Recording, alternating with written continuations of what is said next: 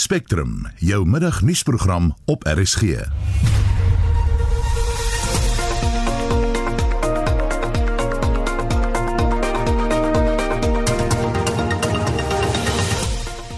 die program Gauteng se COVID-19 verspreidingskoers neem af, maar kommer oor ander provinsies neem toe. The reproductive number is the highest in Limpopo, KwaZulu-Natal, Mpumalanga and Western Cape. We see a slightly decrease in Gauteng, but I think that we are still not out of the woods there. Die ANC sekretaris-generaal Ysmagashule bly geskort, maar wat van oud-president Jacob Zuma se ANC status? En vra oor die skorsing van die hoof van die buitelandse spionasietak Robert McBride, uh, se skorsing na 'n beweerde mislukte geheime sending in Mosambiek. Ek dink dis meer hier agter. Jy sal moet gaan kyk na wat binne die buitelandse intelligensdiens gebeur. Daar is beweringe van geld wat gespandeer het om telefone se WhatsApp groepe te kan lees. Span in die ateljee se redakteur Marlenae Forsie, produksieregisseur Evert Snyman en ek is Susan Paxton. So by kan 6 minute oor 12 en jy luister na Spectrum. Die waarnemende minister van Gesondheid, Mamaloko Kubain Gubani, waarsku dat die verspreiding van COVID-19 steeds toeneem. Sy het die media vanoggend toegespreek oor die departement se vordering om die COVID-19 pandemie te beveg. Tydens die konferensie is daar ook aangedui dat die enstof wat Suid-Afrika gebruik meer effektief is teen die Delta variant van die virus as teen die Beta variant wat die land in die tweede vlaag getref het. Marlenae Forsie het meer besonderhede. Die minister sê hoewel Gauteng steeds die episentrum van die pandemie is, daar tog tekens is dat gevalle stadig aan begin afneem. We should never let our guards down and think that we are over yet. We are ramping our vaccination rollout program so that the vaccine can reach the majority of our population so that more people can be protected from this devastating impact of the COVID-19 virus. We are encouraged and we continue to see more drives and initiatives by various provinces for increased mobilization for vaccination. Of note this week is the vaccine drive-through in Gauteng. Sy beklemtoon die belangrikheid daarvan dat elke provinsie sy inwoners se vrese oor die kwessie moet besweer met duidelike kommunikasie. Minstens 4 miljoen mense het reeds inentings ontvang. Many people are saying it's not yet enough because comparing with the percentage of the population. And despite this tries as well, joined by South Africans, the Interministerial Committee on Vaccine, together with the President, still expects us to achieve more. And they have raised their concerns with us yesterday and giving us feedback on what needs to be done to improve and ramp up the vaccine program. Spectrum het vroeër die week berig dat gebrekkige inentings oor naweke 'n groot uitdaging is. We'll be starting our work to ensure the availability of human capital to vaccinate over weekends and we believe this will increase the capacity and will increase the work that needs to be done in vaccinating. Landsburgers tussen 35 en 49 jaar oud kan vanaf die 15de Julie registreer om van Augustus af ingeënt te word. Kubai Ngubane, die reguleerder vir gesondheidsprodukte SAPRA, geloof vir sy hantering van die goedkeuring van nuwe enstof. We do not encourage anyone to want to put pressure on our regulators to be able to do their work. We must allow them to do their work on the basis of science and data that they arrive they receive. Sy waarsku egter dat die verskeie sektore wat nou na vore tree om enstof te eis, 'n gevaarlike situasie skep. We have presented to the IMC the constraints and what we see as a danger and the difficulties will if we continue to approach the vaccine rollout on the basis of sectors. We are reviewing this and once it's finally approved by the IMC we'll communicate. We do believe that the age process continue to be the best and less logistics, less administrative process that could assist us to reach more South Africans. So as we open for more ages, please South Africans, this is your opportunity, take it up. Dit was die waarnemende minister van gesondheid Mamaloko Kubayi Professor Tulio D'Oliveira, die direkteur van die navorsingsplatform CRISP, sê intussen die Delta variant is nou die dominante variant in Suid-Afrika en die res van die wêreld, veral in lande waar die inentingskoers laag is. Russia it see a massive increase of deaths as the Delta variant start to dominate Indonesia and Bangladesh. Indonesia and Bangladesh is very worrying because the sheer size of the population, we are talking about hundreds of thousands of deaths. Hoewel die verspreidingskoers in Gauteng stadig begin afneem, neem kommer oor ander provinsies toe. The reproductive number of the infections, what it means, how fast is growing the other provinces, is the highest in Limpopo, followed by KwaZulu-Natal, Mpumalanga, and Western Cape despite the numbers not being extremely high there, we see a very, very, very fast raise. And what I'm going to show that's really caused by the Delta variant. We see a slightly decrease in Gauteng on the reproductive number, but I think that we are still not out of the woods there because normal infections will follow. Dit was professor Tulio de Oliveira, die direkteur van die navorsingsplatform CRISP. Die navorsing wat deur die platform en minstens 7 ander instellings landwyd gedoen is, toon ook dat die gevaarlike Delta Plus en Lambda variante van die virus nog nie 'n bron van kommer in Suid-Afrika is nie. Die Lambda variant is in Latyns-Amerika geïdentifiseer, maar is nog nie in Suid-Afrika aangemeld nie. Marlene Forsie is hy gonies. En vir meer kommentaar hieroor praat ons nou met Alida Kok, 'n dosent aan uh, in politieke wetenskap aan Akademia. Goeiemôre Alida. Goeiemôre Susan. Hoe reken jy hanteer die waarnemende minister Mamaloko Kubayi Ngubani die warm patat wat uh, wat hier in haar hand beland het? Ja, dis baie meer as 'n warm patat. Ek sal omtrent sê as ek kyk wat besig is om in die wêreld te gebeur, wat in Suid-Afrika gebeur en wat in ons eie samelewing spesifiek ook gebeur. Ek dink hierdie is teen teen een van die mees verdelende kwessies wat ons moontlik al ooit ervaar het. Dit as jy gaan dink daaroor is dit sekerlik die mees onmiddellike skep van 'n ons en hulle wat al ooit ek dink moontlik in die in die geskiedenis van die mense ontstaan het want dis die grootste veldtog vir inentings wat al ooit gedryf is globaal. Dit is so buite buite daai daai sterk verdeling wat ons sien nie net hier nie maar op ander plekke weet ehm um, is daar nog steeds weet uh, ek dink 'n regeringsoogpunt en van die Suid-Afrikaanse regeringsoogpunt af sit sit ons minister in 'n situasie en met infrastruktuur waar 'n regering met 'n regering wat baie gaan sukkel om enigstens hierdie ding regtig suksesvol op sy eie te dryf. En op die oomblik ehm um, as as ons net vinnig kan uitlig as jy gaan kyk byvoorbeeld ehm um, daar's net een dosis van die enstof al gegee aan 3.8 miljoen Suid-Afrikaners en nog net amper 480 000 Suid-Afrikaners is ten volle gevaksinereer. Dit so dit is 'n baie verdelende situasie wat ons op die oomblik is. Het die verwydering van Dr. Zweli Mkhize skade aan ons COVID-program aangerig? Ja, ek ek ek, ek dink beslis so, dit is die dit is die geval, ek, maar ek dink daarmee jy weer eens gaan kyk dit is tog deel die die verwydering van Dr. Mkhize is deel van 'n groter probleem wat in die Suid-Afrikaanse regering is. Dit is die die, die toestand van die regering is die korrupsie wat daar plaasvind en en miskien ook ek weet jy kan dit waarvat dis in ons in ons samelewing ook. Ehm um, so dit het beslis skade aangerig ja. Beteken dit vordering as daar nou bekend gemaak is dat mense tussen 35 en 49 ook vir die instof kan registreer? Uh vordering uh, Ja, wel ek dink dis weer eens daar. Ek wil dit dit is beslis vordering ek dink wat die instofprogram betref. Ehm um, en as jy gaan kyk nou ook om te sien hoe mense daarop reageer. Uh weet as as jy gaan kyk na die data spesifiek ook, 'n toename in die in in in instowwe, die toediening van instowwe verlaag beslis. Um, as jy gaan kyk na gevalle internasionaal verlaag, hospitaal innames verlaag sterftes. Ehm um, so so ja, dit is presies sal vordering wees in daai in daai opsig. En wat ons nou verder sien ook um, in die burgerlike samelewing, soos wat die instofprogram stadig maar seker ontwikkel in die Suid-Afrikaanse uh, regering, te sien ook hoe verskillende rolspelers hierop reageer. Ehm um, jy sal byvoorbeeld nou sien in die burgerlike samelewing is daar ook um, 'n database wat uh, tot stand gebring word om moontlike neeweffekte van enstowwe op te neem. Hierdie South African Vaccine Adverse Effects uh, database is geskep. So almal uh, reageer op hulle verskillende maniere op hierdie enstofprogram. Almal verwag 'n familievergadering die komende naweek. Ehm um, dink jy daar gaan een wees? Dink jy die president gaan dalk die inperking verleng?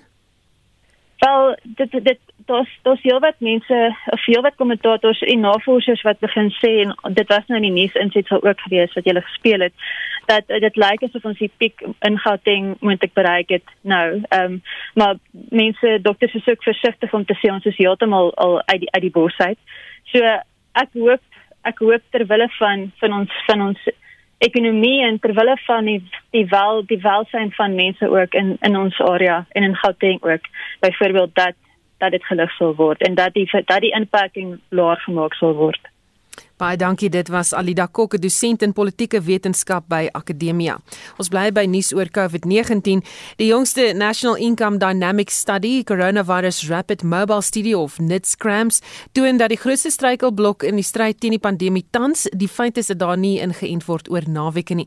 En ons praat nou met 'n professor in ekonomie aan die Universiteit Stellenbosch, Servaas van der Berg. Goeiemôre Servaas. Goeiemôre. Herinner ons net weer waaroor gaan dit die NITSCRAMS uh, golf 5 verslag? uh dis iets wat ons ingestel het in die begin van die van die inperkings toe uh ons besef het maar daar is geen data meer wat gaan uitkom nie as gevolg van die feit dat niemand meer veldwerk kan doen nie in spesifiek stad statistics Suid-Afrika kon nie. Uh en as gevolg daarvan het ons toe uh landwyse verteenwoordigende opname gedoen, 'n telefoonopname waarvan ons nou die 5de golf en dit soort die laaste golf uh nou gedoen het om te kan uh, kyk wat soort omstandighede mense hulle in bevind wat die sosio-ekonomiese uh toestande is, maar dan ook natuurlik dinge soos uh hoe mense beïnvloed word deur die pandemie en uh uiteindelik ook uh, uh, uh hoe hulle voel oor uh inentings. Gepraat daarvan, wat is die grootste uitdagings volgens die verslag vir die inentingsveld tog? Wel die uh, heel grootste uh, probleem is natuurlik dat dat die inentingsproses te stadig is. Uh en uh aanvanklik was die was die grootste probleem die beskikbaarheid van van entstowwe.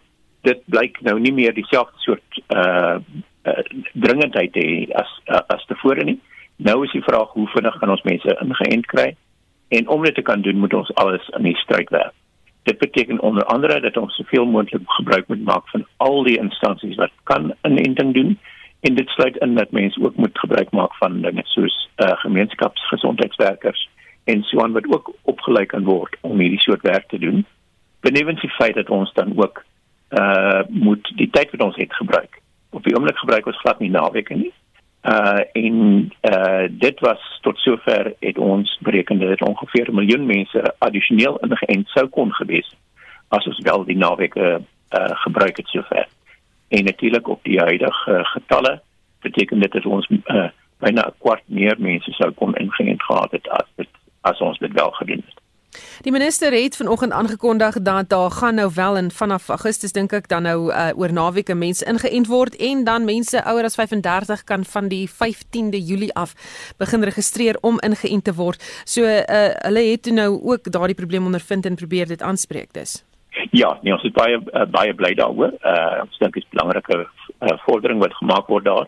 En dit is natuurlik ook nuttig dat die uh dat meer mense nou kan begin registreer uh mense is stadig om te registreer. Ons het byvoorbeeld gevind dat as as ons kyk na die getalle wat sê hulle is uh gewillig om uh om geënt te word, dis so ongeveer 80% van uh mense wat ouer as 60 jaar is. Maar as ons kyk na die mense wat geregistreer het in die land, is dit net so uh net so 55% wat geregistreer het om uh om ingeënt te word in die in die uh kategorie van mense bo 60. Met ander woorde gewilligheid is een ding, uh maar dit beteken nie noodwendig dat mense dadelik gaan optree daar daarop nie. En daarom is dit miskien goed dat hulle vroeg begin met die registrasie van die jonger ouderdomsgroepe ook en dat hulle met uh, die veldtog uh om mense te kry om te registreer dat dit uh, nog verder opgeskerp word. Hm. Jy het ook gekyk in die verslag na skoolopvoeding, wat was van die grootste bevindinge daar?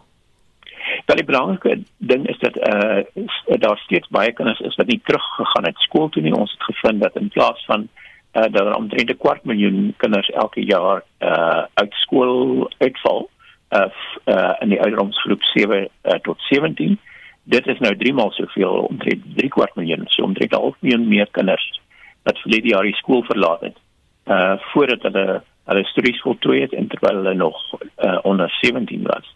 So dis uh dit is een aspek daarvan. Die ander is dat omdat die skole so aan en af funksioneer uh met die uh uh die manier wat wat, wat die terug aan die skool toe ge, gewerk het, het dit beteken dat 'n groot klomp kinders so uh glad nie toegang gehad het tot die uh skoolvoedings wat wat hulle gewoonweg gekry het nie.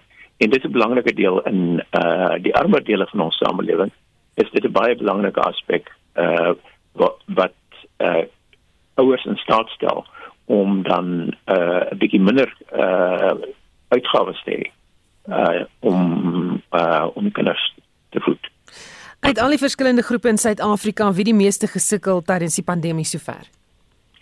Die mense wat die meeste gesukkel het is die wat uh is die wat hulle werk verloor het natuurlik, maar uh as 'n mens ook uh gaan kyk na dinge soos uh die beskikbaarheid van uh van toelaas, uh die toelaasstelsel wat ons het in Suid-Afrika het in hierdie stadium uh geweldig goed gewerk om seker van die gate toe te stop, maar daar's 'n klomp gate wat hy nie kon toestop nie. Dit is waar uh, mense hulle werk verloor het.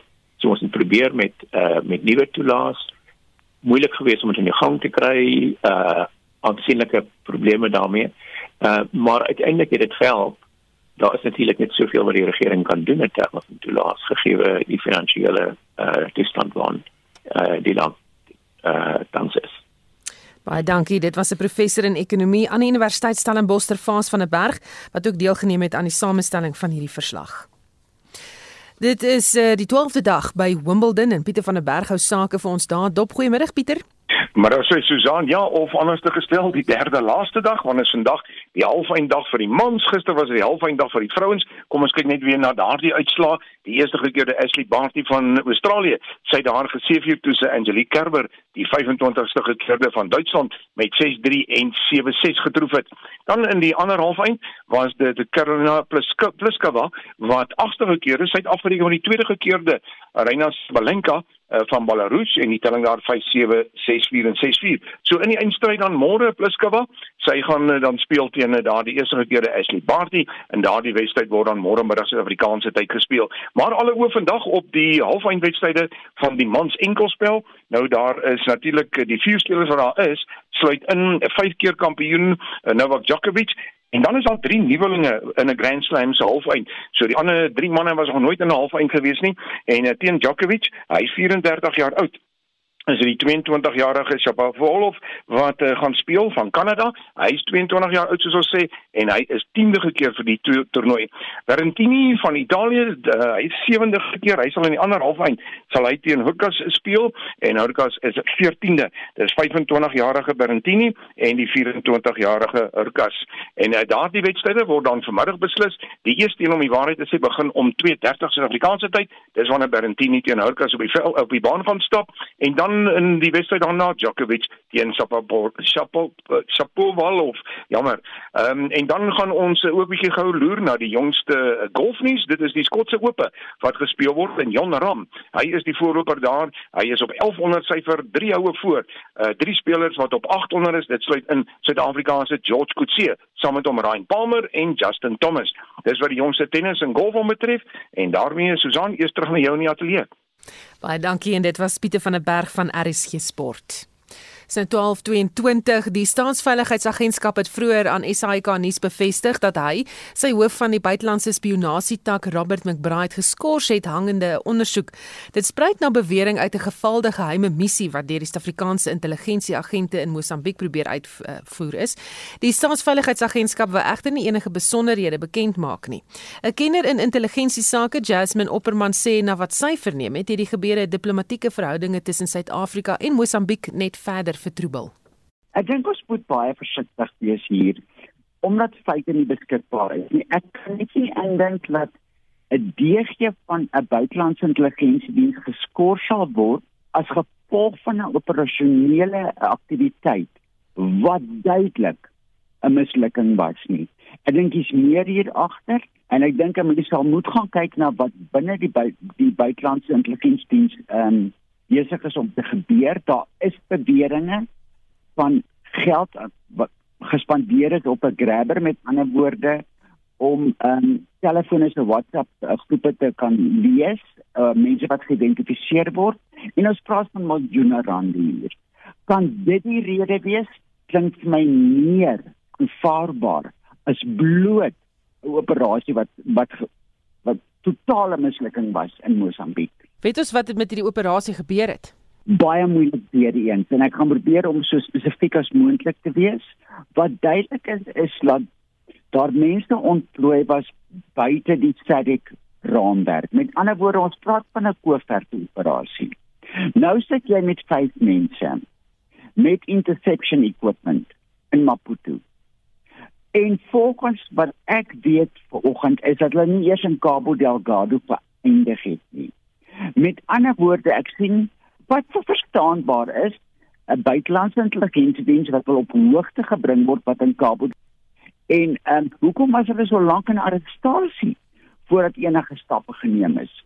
En dan om vyf mense gelyktydig te ontplooi in 'n operasionele koevert operasie is om baie eenvoudig te stel belaglik. Uh, dit klink amper soos 'n film hierdie, jy weet, is dit is dit uh hoe kan ek stel ongewoon om spioene van een land in 'n ander land te hê? Nee, glad nie. Dit gebeur elke dag.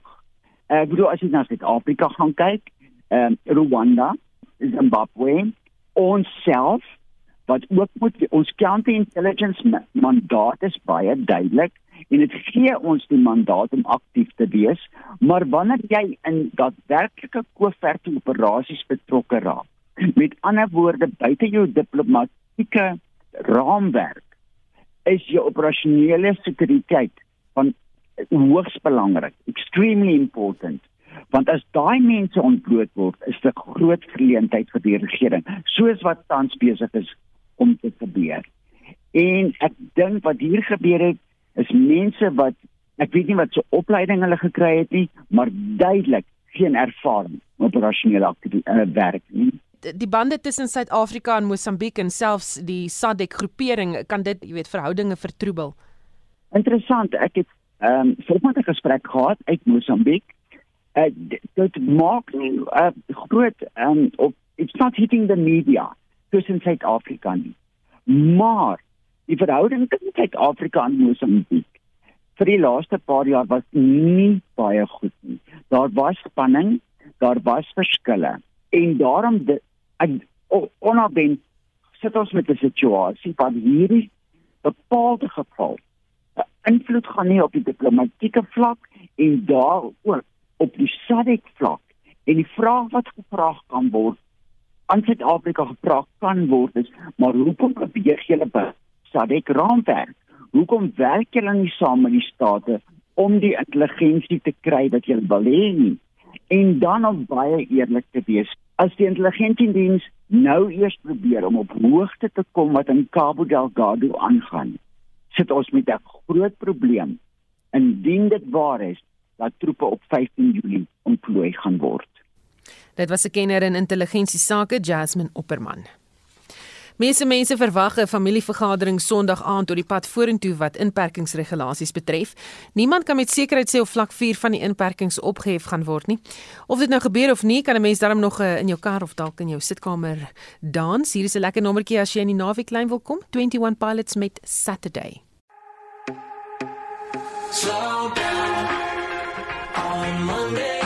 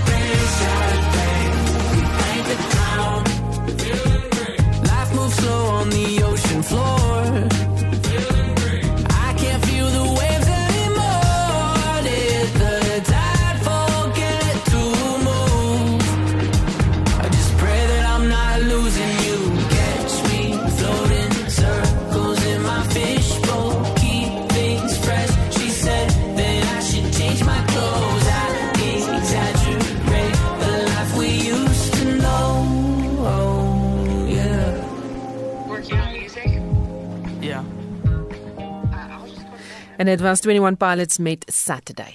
Spectrum, jou middagnuusprogram op RSG.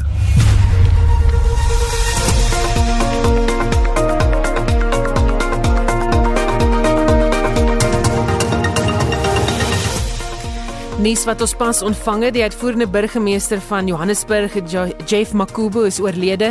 Ons gee meer besonderhede soos wat meer inligting bekend gemaak word later in die program. Ander hoofnuus, die minister van toerisme, Mamaloko Kubayi Ngubane, neem die afgelope maande alwaar as die minister van gesondheid na Zweli Mkhize op spesiale verlof geplaas is.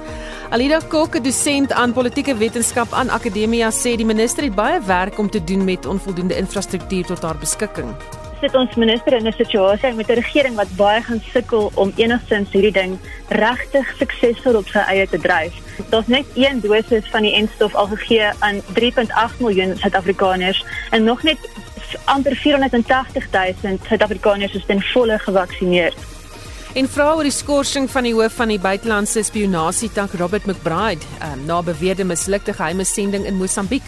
Ek dink dis meer hier agter. Jy sal moet gaan kyk na wat binne die buitelandse intelligensdiens gebeur. Daar is beweringe van geld wat gespandeer het om telefone se WhatsApp groepe te kan lees. Later in die program Vrystaat Landbou loof die polisie se optrede om 'n plaasaanval te verhoed en die ANC sekretaris-generaal Ysmagashule bly geskort, maar wat van oud-president Jacob Zuma se ANC status? Bly ingeskakel.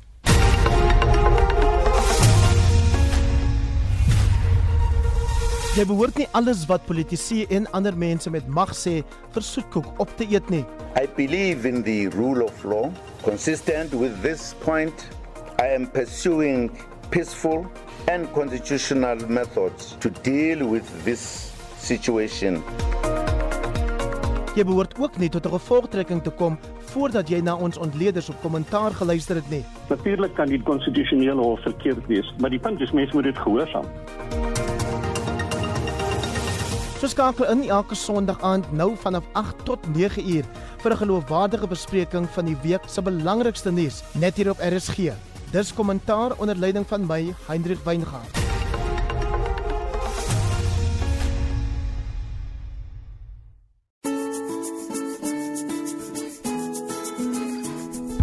As jong man was Mandela 'n krangige bokser en langafstand atleet. Gedurende sy 27 jaar gevangenskap het hy elke oggend geoefen. RSG 4 Mandela Maand. RSG verkeer. In Gauteng is daar 'n voertuig wat brand op die N3 suid net voor Landenweg. In die Weskaap Kaapstad staan 'n voertuig op die R300 suid net na die ou Parelweg afrit en dan net weer terug na Gauteng toe. Daar staan 'n vragmotor op die N12 oos net voor 'n Kingsway weg. En dan het die N3 tolkonssessie laat weet dat die suidelike baan uh, by die eh, N3 of op die N3 tolroete naby die Mooi Tollhek is weer oopgestel na 'n protesoptog wat daar aan die gang was. So as jy dit vermy het as gevolg daarvan, lyk my die pad is weer oop is die N3 suid daar by die Mooi Tollhek. Vrystaat Landbou die polisie se optrede om 'n plaasaanval te verhoed verwelkom. Vier mans en 'n vrou is deur die polisie gearresteer op die 6de Julie net voordat hulle na bewering 'n plaasaanval in Heilbron of in die Heilbron omgewing wou uitvoer. Die polisie het gereageer op 'n wenk wat deur die valke aan hulle gegee is. Die verdagtes verskyn vandag in die hof. Dr Jane Buys, die veiligheidsrisiko-analis vir Vrystaat Landbou, sê die organisasie gaan probeer om borg teen te staan. Ons het 'n versoek gerig aan die provinsiale kommissaris, generaal Motsoenyane, sodat ons uh, uh, met die ondersoekbeampte in kontak kan kom en ook met die staatsanklaer van die nasionale vervolgingsgesag sodat ons dan kan getuienis aanbied om borg te opponeer. Ons het dit in die verlede ook al gedoen in hoë profiel veediefstal sake. So, uh, waar ons amper as 'n vriend van die hof toegelaat word om dit te kan doen. Dit is goed dat die polisie hierdie inligting ontvang het en daarop gereageer het. Dit is baie waar en dit is vir ons in elk geval baie belangrik. Ons praat al jare daaroor dat inligting is eintlik van kardinale belang om eh, plaasaanvalle en moorde te voorkom. En in 'n 5 jaar periode wat ons analise gedoen het by Vrystaat Landbou, van die 294 dink ek plaasaanvalle en moorde was by 121 voorkom. So dis baie belangrik dat daar altyd uh, op inligting staat gemaak word. En in die verband is dit verskriklik belangrik om te let op die moontlike voorlopers van plaasaanvalle wat ook in die landelike beveiligingsstrategie so uitgewys is. Dis spesifieke misdade. Sodra dit by jou voorkom, moet jy dit rapporteer want eh, en dan as enigsins verdagte beweging. Dis hoekom dit ook so belangrik is dat ons tegnologie gebruik en kamera netwerke daarstel om daai voor beweging alreeds vooraf te kan monitor en op te tel. As mens kyk na jy sê dat van hierdie mense hulle self voorgedoen het as polisielede, hoe verweer jy jouself as 'n lid van die gemeenskap, iemand van Suid-Afrika, as iemand by jou kom en sê maar ek is nie polisie en ek wil nou toegang hê en dan word jy aangeval?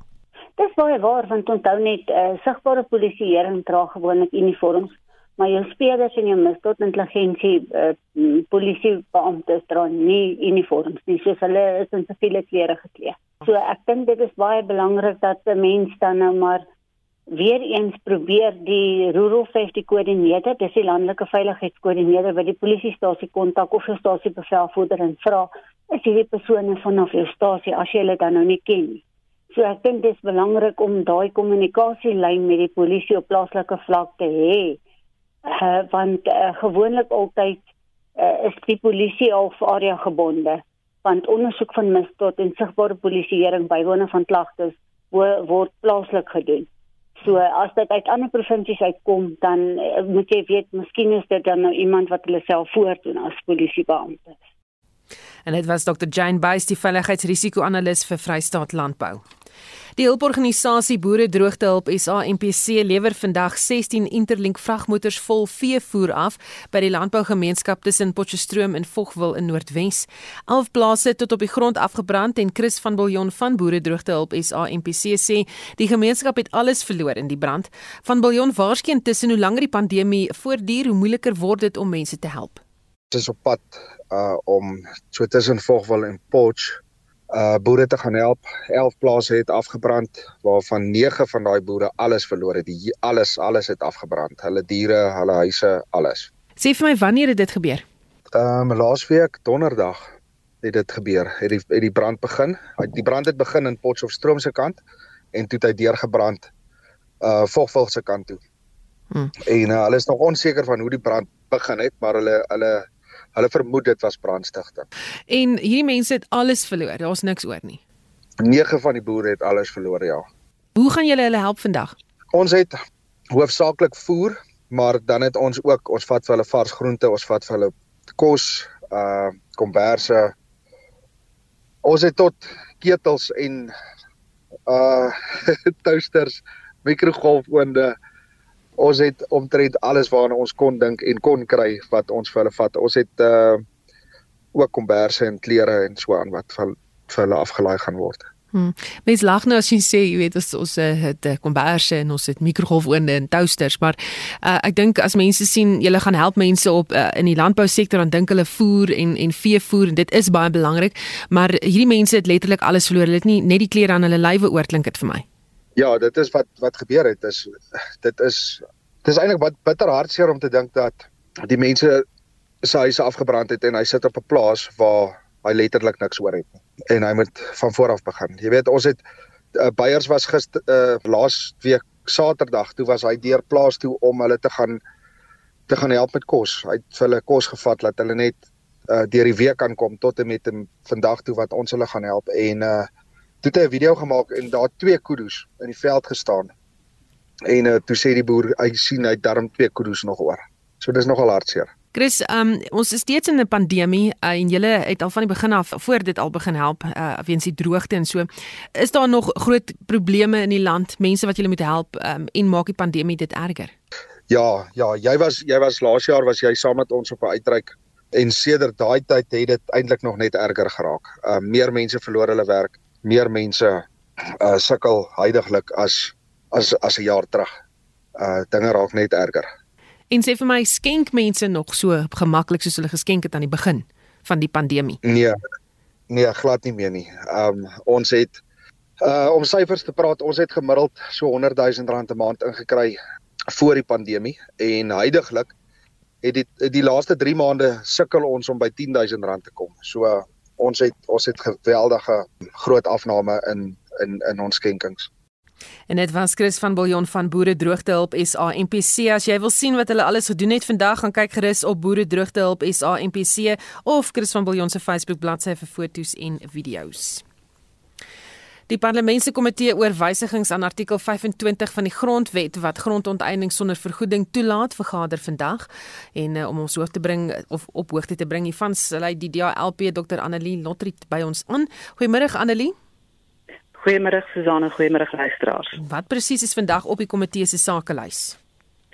Nou ons het sopas klaar gemaak. Ehm um, nou vandag het ons gekyk na die voorstelle van verskillende partye en ons het ook daaroor gestem dit is nou nog nie die einde van die paadjie nie. So wat gebeur het uiteindelik vandag is dat uh, soos die komitee saamgestel is, daar is 11 lede van die komitee 6 ANC 2 DA 1 EFF 1 Vryheidsfront plus 1 IFP. So dit is die enigste lede wat nou kon stem.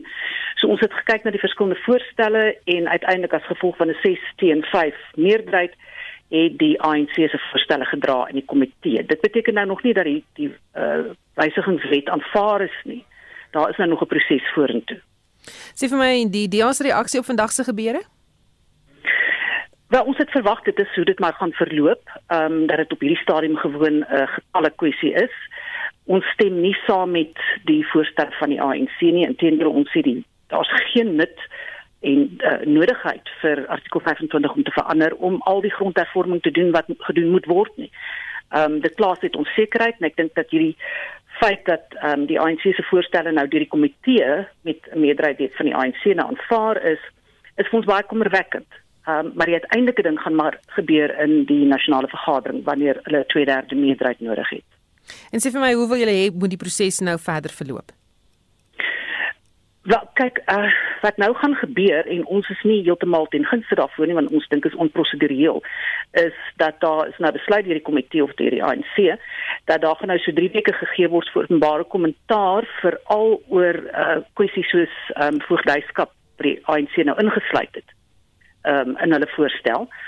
So die publiek gaan nou so 3 weke hê, dit moet nou nog uh, gepubliseer word en dan moet dit teruggaan na die nasionale vergadering toe. So ons het van die begin af gesê dat as daar enigiets buite die mandaat is wat die nasionale vergadering vir ons gegee het, moet dit dadelik teruggaan nasionale vergadering toe. Ons kan nie buite ons mandaat werk nie. En voogdyskap is heeltemal buite die mandaat. So ons is nie ten gunste daarvan nie. So ons dink dit moet direk nasionale vergadering toe gaan. Baie dankie. Dit was dokter Annelie Lotriet. Sy is 'n DLP wat gemoeid is met die grondonteiening sonder vergoedingskwessie. Die Suid-Gautengse Hooggeregshof in Johannesburg het vroeër vandag die aansoek van die ANC se geskorste sekretaris-generaal Ys Magashule dat hy in sy pos heraangestel word van die hand gewys. In Pietermaritzburg het die Hooggeregshof ook beslis dat oud-president Jacob Zuma opgesluit moet bly. Ons praat nou met Dr Piet Kroukamp, politieke ontleder van die Noordwes Universiteit se Sakeskool. Goeiemôre Piet. Goeiemôre. Waar laat met nou maar daai so dat daai historiese faksie op daai groepering of wat nou eintlik wat 'n faksie was aanvanklik eintlik nou maar net die walking wounded en die korruptes in die ANC vir hulle. Uh laat dit nou baie duidelike boodskap dat die regstelsel uiteindelik uh die politieke proses sal bedryf wat wat hulle toekoms betref en ek dink dis dis wat maar gebeur het sedert Ramaphosa in die gang gekom het hy die nasionale vervolgingsgesag weer op die been gekry uh die regbank se waardigheid in sekere mate herstel uh, die van hierdie politieke kontensieuse uh, gevalle is is voor die hof gesleep daar's uitsluitsel gekry daar's grondwetlike issues wat uiteindelik aangespreek is. Ek dink tog met die idee van 'n regstaat en die idee van 'n konstitusionele staat is dit eintlik nou weer gevestig en ek dink Ramaphosa sal op die rug hiervan sal hy ry vir die volgende paar maande of selfs vir die volgende paar jaar om doodseker te maak dat dit eintlik maar sy politieke stryd met die wat oor is van die die die residu van die RET faksie die radikale ekonomiese trans uh, faksie dat dat die regstelsel met daai met daai residu op 'n of ander manier omgaan. So ek dink dis dit dit gaan meer as dit gaan oor meer as net Zuma en Ysmagashule. Dis 'n dis 'n skoonmaakproses wat in die gang is en ek moet sê die, vir die eerste keer kry ek die gevoel dat uh, there is only one sheriff in town and it's Ramaphosa now en hy hy doen dit nie deur autoritair te word of 'n bepaalde magte vir homself toe te eien nie. Hy laat eenvoudig net die demokrasie, die grondwet die ooreenkoms wat ons in 1996 aangaan het, hulle daai stelsel van werk, want dis waar die groot kompromis tussen die samelewing en die staat lê. Hmm. En jou reaksie of hoe kan ek vra is jy verras op die hof se beslissing dat die op sy staan reël 25.7 nie ongrondwettig is in terme van of die ANC of die land se grondwet nie? Nee, ek is glad nie verras nie, verras nie, maar okay, ek moet ek vir jou sê, jy weet as jy nou daai uh en Pofu het aan jou kant om jou saak te argumenteer dat jy nie eintlik 'n kans het om die waarheid te sê die meeste van die aspekte wat die hof vanmôre hanteer het en wat hy ook gehanteer het uh, by al die hofsaake het oor goed gegaan wat die meeste regskenners vir jou gesê het maar dis voor die hand liggend. Daar daar is nie 'n saak uit te maak nie. Uh, ek dink as jy Pierre de Vos gelees het oor die laaste paar weke wat amper soos hulle in Engels het dismissive was van Dalian Polf ag Dalian Polf ja Dalian Polf se argumente dit was dit was eintlik goed wat nooit in 'n hof moes beland het nie maar uh, wat reg wat die reg betref, maar wat politiek betref, is dit kardinaal belangrik dat hierdie goed vir die hof gekom het, want dit is eintlik goed wat polities besleg moes gewees het wat nie gedoen is nie en wat die hof uiteindelik met uitsluitsel oorgegee het. Hierdie tipe van goed moet ons in die samelewing besleg, in die nasionale vergadering besleg, die ANC moet intern besleg. En uiteindelik skep ons die goed vir die hof as gevolg van die gebreke wat ontstaan het as gevolg van Jacob Zuma se teenwoordigheid in die politiek en waarskynlik ook die ANC se se se plundering van die staat nie net van die finansiële uit uh, van 'n finansiële uh, oogpunt nie, maar ook van die plundering van die meganismes, die demokratiese meganismes van die staat. Hierdie goed moes nooit voor hof beland het nie. Nou gee die hof daaroor uitspraak. Dit gee ons bepaalde politieke rigting en eintlik moet ons sê, miskien is dit goed so. Miskien moet die hof soms politieke uitsprake maak sodat ons kan rigting kry dat politici op 'n of ander manier tot kentering kan kom en kan konformeer tot die grondwet en kan doen wat uh, wat reg is om te doen. En ek dink tog hierdie twee uitsprake is in daai opsig in die breër konteks. Dit gaan nie net oor die twee individue nie. As jy kyk na die breër konteks van dit wat in ons Suid-Afrikaanse politiek gebeur, dit wat in die ANC gebeur, dit wat in die grondwet gebeur, is dit is dit rigtinggewende uitsprake gewees. Hmm. Hoekom sien ons nie dat Zuma soos byvoorbeeld uitgeskort word uit die ANC nie? Jy moet onthou uh, Zuma bekleed nie enige pos behalwe om ek dink hy ek's 'n fikkie lid van die van die nasionale uitvoerende komitee van die ANC te wees. So hy het nie 'n bepaalde pos nie. So hy hoef nie op sy te staan nie. Op sy staan is nie om te spraak en hy het geen uitvoerende gesag of uitvoerende magte nie. Hy sit maar net daar agter die saal altyd en luister wat aangaan en so nou en dan dan sal sy kamerade nou namens om ietsie te sê. Maar ek dink uiteindelik sal die ANC afhangende van sy gedrag hiervan af vorentoe en of hy skuldig bevind word in die hofsaake soos die wapenskandaal saak indien dit daar skuldig bevind word, sal die ANC waarskynlik op 'n stadium uh weet voor die deur kom met met 'n bepaalde besluit neem oor sy oor sy lidmaatskap. Maar ek dink nie dis nou ter sprake nie. Ek dink nie dis iets wat die dis nie 'n geveg wat die ANC nou nodig het om met homself aan te gaan nie. Uh want uh Zuma speel nie 'n weet 'n besluitnemersrol nie. En dan oud-president Zuma se eie hofaansoeke gaan ook voort wat hy voor sy inhegtenisneming Woensdag aand aan hande gemaak het. Jou reaksie op die Pietermaritzburg se Hooggeregshof se verwerping van sy aansoek dat sy inhegtenisname tersyde gestel moes word. Weereens dit moes nooit voor daai hof gedien het. Dit weet elke regskenner en dit sluit by die Universiteit van die Vrystaat. So het gesê hierdie aansoek hoort nie by hierdie hof nie. En almal het gesê ook uh, in die openbaar gesê en Dalium Polf het ten spyte daarvan want dit is vooraf as dit in die media bespreek as as indien so aansoek na daai hof toe gaan sal die daai daai hof die jurisdiksie ten spyte daarvan dat hy sin toe gegaan en daar is 'n om raad gegee en is in die openbaar van gesê jy moet daardie aansoek bring by die uh, by die grondwet grondwet of die konstitusionele hof en steeds het hy gedoen so mense wonder baie keer of hy moes willig of hy's onkundig of hy was nooit 'n senior counsel in sy lewe gewees het nie. Die die die die die, die, die groot probleem vir Jacob Zuma en selfs vir Ysma Gesule die laaste paar maande was die absolute patetiese swak verrotte regsraad wat hulle gekry het en dat hulle daarmee saamgegaan het dat selfs die basiese logika wat 'n normale mens moet openbaar wat jy kan sien maar hierdie regsadviseur is mos nou besig om my na die hel hou te lei. Selfs daai kon dit kon nie raad sien nie. Maar elke iemand anders, elke tweede Jan Rapp in sy maat op op sosiale media het gesien dat die regsraad wat wat Dalium Poffel gegee het en die hele regspan van van van van, van uh, Jacob Zuma voor die sonnekommissie. Dit is mos nou ooglopend dat die mense geen vaardighede by die reg en betref nie en nooit moes aangestel word. Weet een van die bitter vrae vir my is en ek ek wil jou terugverwys na die na die gesprek tussen voor die voor die voor die voor die tekskommissie dink ek was dit geweest waar uh, Ramaphosa 'n gesprek gehad het met Dali en Poffel oor aanstelling as 'n senior counsel. Hoe die hel het hy senior counsel geword? Net 'n laaste vraag, um, en dis meer eintlik regse grond, maar dalk net uh, jou gedagtes, dink jy die konstitusionele hof kan moontlik volgende week sy eie besluit oor Zuma se skuldigbevindings en vonnis omkeer?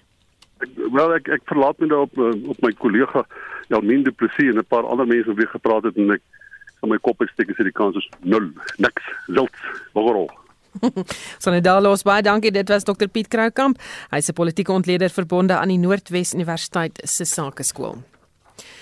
Die Vryheidsfront Plus verwelkom die aankondiging van die Departement van Water en Sanitasie dat die kwaliteit van munisipaliteite se waterbestuur weer geaudit gaan word.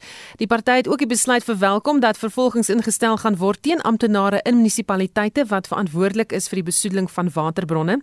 Michael Groenewald, Vryheidsfront Plus LP en hoofwoordvoerder vir samewerkende regering en tradisionele sake sê, daar is drastiese aksie nodig in die verband as mens kyk na die tempo waarteen ons waterbronne besoedel word deur swak dienslewering. Die VF+ verwelkom die aankondiging van die Departement Water en Sanitasie om weer blou en groen druppel audits te doen op plaaslike munisipaliteite. Belangrik van hierdie audit is dat dit nie net 'n gehalte van water en grijswater bepaal nie, maar ook die bevoegdheid en kapasiteit van plaaslike departemente. Dis onder andere die kundigheid in die munisipaliteit wat moet verseker dat die werk gedoen word en reg gedoen word.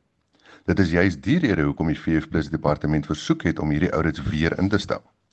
Hierdie blou en groen druppelstatus, soos dit bekend staan, baan dan ook die weg om plaaslike regering en hul amptenare verantwoordbaar te hou vir die besoedeling van skaars waterbronne en te verseker dat inwoners gehalte water kry. En dit was Michael Groenewald Vryheidsfront Plus LP en hoofwoordvoerder vir samewerkende regering en tradisionele sake. Die nasionale kernkragreguleerder sal in Augustus verhore hou oor Eskom se aansoek om 'n kernkragsentrale op te rig in Tuispunt in die Oos-Kaap. Die verhore sal op die 25ste Augustus in St Francis Bay gehou word en op die 26ste in Jeffreys Bay. En ons praat nou met 'n dosent aan die skool vir chemiese en mineraalingenieurswese aan die Noordwes Universiteit, Corneel Skabort. Goeiemôre Corneels. Goeiemôre Susan. Eskom hou aan voortstoom met 'n plan vir kernkrag. Is dit ons antwoord tot ons kragprobleme? Susan, ek het hierdie al telke male gesien. Ek verstaan nie hoekom minister Mantashe en Eskom bly voortstuur met die plan vir kernkrag nie. En om dit baie eenvoudig vir die luisteraars te verduidelik. Verstel ek sou na jou toe kom en vir jou sê ek kan vir jou 'n melktert gee maandag vir R50. En iemand langsaan sê maar luister, ek kan daai melktert vir jou gee vir R70, maar ek gaan ook maandag daar wees. Maar dan kom ek nie maandag by jou uit nie. Ek kom eers oor 4 jaar by jou uit met die melktert. Jy het al vergeet van die melktert en ek sê dan melktert kos nou R150. En dan sê jy maar as dit nie begin vir my gesê is, sou ek van die begin af gegaan het eerder vir die R70 melktert. En dit is wat Eskom is as ons terugkyk oor die laaste 2 dekades. Kyk na Medupi, ons sewe begin bou, nog steeds nie klaar nie. Kusile 2008 begin bou, steeds nie klaar nie. Kuiberg was Januarie uit bedryf uitgestel vir daai installasie wat moes plaasvind. Hulle hulle Eskom nie ons nie. Eskom het gesê my maand sal dit terug wees. Ons het my maand 'n hele maand van beerdkrag gehad. Middel Junie was dit eers terug. Die punt wat ek wil maak Susan is dat Eskom kan nie vertrou word met groot projekte soos kernstasies nie. Hulle trek rekord tot op hede wys vir ons dat hulle nie dit kan doen nie. So om weer eens 'n groot projek soos hierdie aan hulle te gee. Dit sal wees hulle het melkterte verbrou tot op hede. Nou sê hulle luisterie, ons gaan nou vir julle 'n kokambouche, hierdie Franse poffers, daai roompoffers. Ons gaan nou vir jou so troukoek maak. Ek bedoel mense sal van jou kop af wees om vir Eskom toe te laat om dit te doen. So die punt wat ek net wil sê is, daar is goedkoper opsies. Ons het sonkrag, ons het windkrag. Fossiele en Medupi gaan vir ons 'n goeie basislading verskaf. Kuiberg is steeds daar die laaste ding wat ons land op hierdie stadium van die geveg nodig het, is duur kernkrag. Daar is goedkoper alternatiewe beskikbaar. Wat is die omgewingsimpak van 'n kernkragsentrale? Wel, hier is die is, is die groot rede hoekom so 'n stasie baie duurder sal wees. Want na aanleiding van Fukushima het die regulasies baie moeiliker geword. Dit is daar's daar baie hoër eise wat gestel word aan kernkragstasies juis omdat mense nie iets soos 'n Fukushima wil sien nie. So ja, oor die algemeen is kernkragstasies veilig, maar as iets fout gaan, is dit katastrofaal. En dit is interessant om te sien want ons twee skole, daar's die FSA, daar's Frankryk, daar's Brittanje wat pro-kernkrag is, maar dan is daar lande so Switserland, België, Duitsland wat weer anti-kern is om die waarheid te sê teen volgende jaar 31 Desember sit Duitsland sy laaste kernreaktor af. En ek is net soos kom ons volg eerder die Duitse, Switserse, Belgiese voordeel voorbeeld. Dit is meer daar's minder risiko daaraan verbonde en op die einde van die dag kan ons steeds ons melktert kry, ons kan steeds ons elektrisiteit kry. Dit gaan goedkoper wees en dit is veiliger en die mense van die Oos-Kaap daarna by tuispunt, die mense van Oesterbaai, hulle sal dit intedeel eerder verkies en dit sal uitkom uit hierdie openbare verhore. Ek sal nie gemaklik wees met 'n kernreaktor op my voorstoep nie, veral nie gegee die tegnologie wat moontlik gekies gaan word nie. Baie dankie. Dit was 'n dosent aan die skool vir chemiese en mineraal ingenieurswese aan die Noordwes Universiteit Corneel Skabort. Nou oor na Heinrich met ons nuusopsomming. Ek dink jy gaan sê wat Adams wat Mabo opgerol hier sit omdat dit warm ja, is. Ja, jy lyk my jy hardloop rond. Susan, so die groot besprekingspunt op die oomblik is die twee belangrike hofuitsprake vanoggend albei met politieke implikasies dis oor oud-president Jacob Zuma en ook oor Ysma Gashule. Maar ons het pas verneem soos wat jy ook in die hooftrekker genoem het dat die uitvoerende burgemeester van Johannesburg, Jeff Makubo, omtrent so 'n halfuur gelede dood is. Hy was 'n lid van die ANC en hy was onlangs in die verlede of liewers in die onlangse verlede in die nuus toe hy voor die sondekommissie na staatskaping getuig het oor geld wat sy maatskappy op 'n onbehoorlike wyse sou ontvang het. Makubo het verlede maand COVID opgedoen. Nou as jy is vroeër uh, oor die jongste nuus berig wat die regering se COVID-inentingsprogram betref. En hier is dan 'n klankgreep uit die onderhoud wat jy met professor Servaas van den Berg, 'n professor in ekonomie aan die Universiteit Stellenbosch oor wat genoem word die National Income Dynamics Study Coronavirus Rapid Mobile studie of nuts krams gedoen het wat 'n mondvol. Ehm um, dit toon dat die stadige inentings die grootste struikelblok in die stryd teen die pandemie is. Die heel grootste probleem is natuurlik dat dat die inentingsproses te stadig is. Aanvanklik was die grootste probleem die beskikbaarheid van entstowwe. Dit blyk nou nie meer dieselfde soort dringendheid te hê as as tevore nie. Nou is die vraag hoe vinnig kan ons mense ingeënt kry? En om dit te kan doen, moet ons alles in die stryd werk. En dit sluit in dat mense ook moet gebruik maak van dinge soos uh, gemeenskapsgesondheidswerkers en so aan wat ook opgelei kan word om hierdie soort werk te doen benewens die feit dat ons dan ook moet die tyd wat ons het gebruik. Op die oomblik gebruik ons glad nie naweke nie. Dit was tot sover het ons bereken dat ongeveer 'n miljoen mense addisioneel ingeënt sou kon gewees as ons wel die naweke gebruik het sover. Jy het aan die begin na twee belangrike hofsaake verwys. Die een is dat die Pietermaritzburg se Hooggeregshof Jacob Zuma se aansoek dat sy inhegtenisname ter syde gestel word van die hand gewys het. Die ander een is dat die aansoek deur Magashule wat as ANC lid en sekretaris-generaal geskort is, dat sy skorsing opgehef moet word dat hy gevra in die Suid-Gauteng se Hooggeregshof, maar dis ook van die hand gewys. En uh, dan het ons gehoor die reaksie van Dr Piet Kroukam daarop, maar intussen vind verskeie gewelddadige protesaksies sedert vanoggend in KwaZulu-Natal plaas ter ondersteuning van Zuma. Motoriste word na berig word met klippe bestook en daar is brandende versperrings in verskeie gebiede. Baie dankie, dit was Hendrik met ons nuusopsomming van die dag. En daarmee groet ons eh, namens ons waarnemende uitvoerder regisseur Hendrik Martin, ons redakteur Marlenae Forsie en produksieregisseur Evert Snyman. My naam is Susan Paxton en uh, geniet jou naweek.